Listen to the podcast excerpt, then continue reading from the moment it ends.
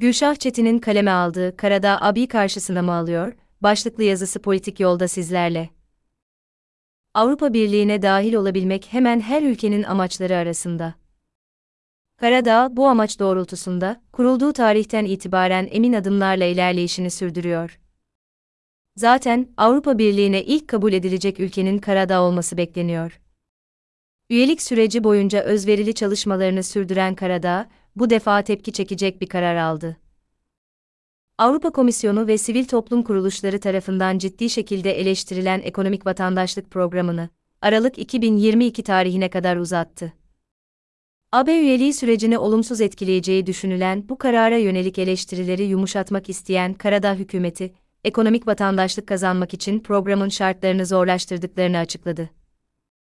Ekonomik Kalkınma Bakanı Vako Milatovic ise konuyla ilgili olarak, Karadağ inovasyon için para ayırmada bölgesel bir lider yapacak. Turizmi geliştirerek, hızlandırılmış ekonomik kalkınmanın temeli olarak inovasyonun gelişimini güçlü bir şekilde destekliyoruz şeklinde açıklamada bulundu.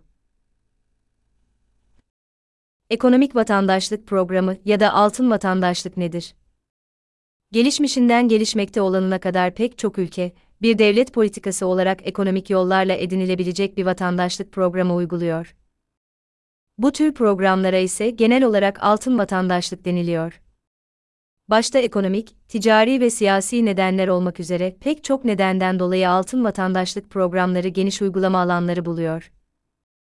Programlardan faydalanmak kişiler, belirli miktarlarda hibe vermek ve yatırım yapmak koşuluyla başka bir ülkeden vatandaşlık satın alabiliyor.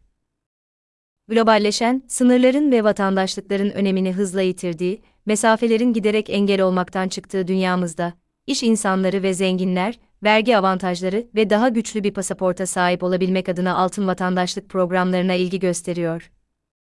AB üyesi Malta ve Kıbrıs başta olmak üzere, aralarında Karadağ ve Türkiye'nin de bulunduğu pek çok ülke, bu tür programlar ile ciddi miktarlarda maddi kazanımlar elde ediyor ve ülkelerine yabancı yatırımcılar çekiyor. Elbette bu sistemin zararları da var. Örneğin, yolsuzluklara neden olabilir ve kara para aklama çalışmalarına kapı açabilir. Bu gibi zararlara dikkat çeken Avrupa Komisyonu ve birçok sivil toplum kuruluşu altın vatandaşlık yerine kalıcı oturum izni verilmesini teşvik ediyor. Karadağ'da altın vatandaşlık Karadağ kuruluşundan bu zamana kadar ülkeye sermaye çekmek adına altın vatandaşlık satıyor. Ocak 2019'da yürürlüğe giren ve halen yürürlükte olan güncel program ise Ekonomik Vatandaşlık Programı ismiyle uygulanmaya devam ediyor. Daha önce programın 2021 yılının sonunda sona erdirileceği duyurulsa da Karadağ hükümeti, programı Aralık 2022 tarihine kadar uzattığını açıkladı. Ocak 2019'dan günümüze kadar çoğunluğunu Rus ve Çin iş insanlarının oluşturduğu 108 yabancı uyruklu kişiye ekonomik vatandaşlık programı kapsamında vatandaşlık verildi.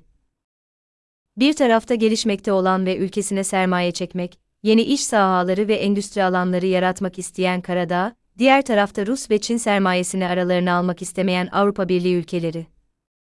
Karadağ bu hamlesiyle Avrupa Birliği'nin tepkisini çekti. Üyeliği her ne kadar fasıllara bağlansa da tamamen siyasi ve ekonomik çıkarlar çerçevesinde şekillendiği Avrupa Birliği'nde kartlar yeniden dağılmayacaktır ama bazı süreçler hızlanacaktır. Karadağ Rus ve Çin ilgisi artıyor.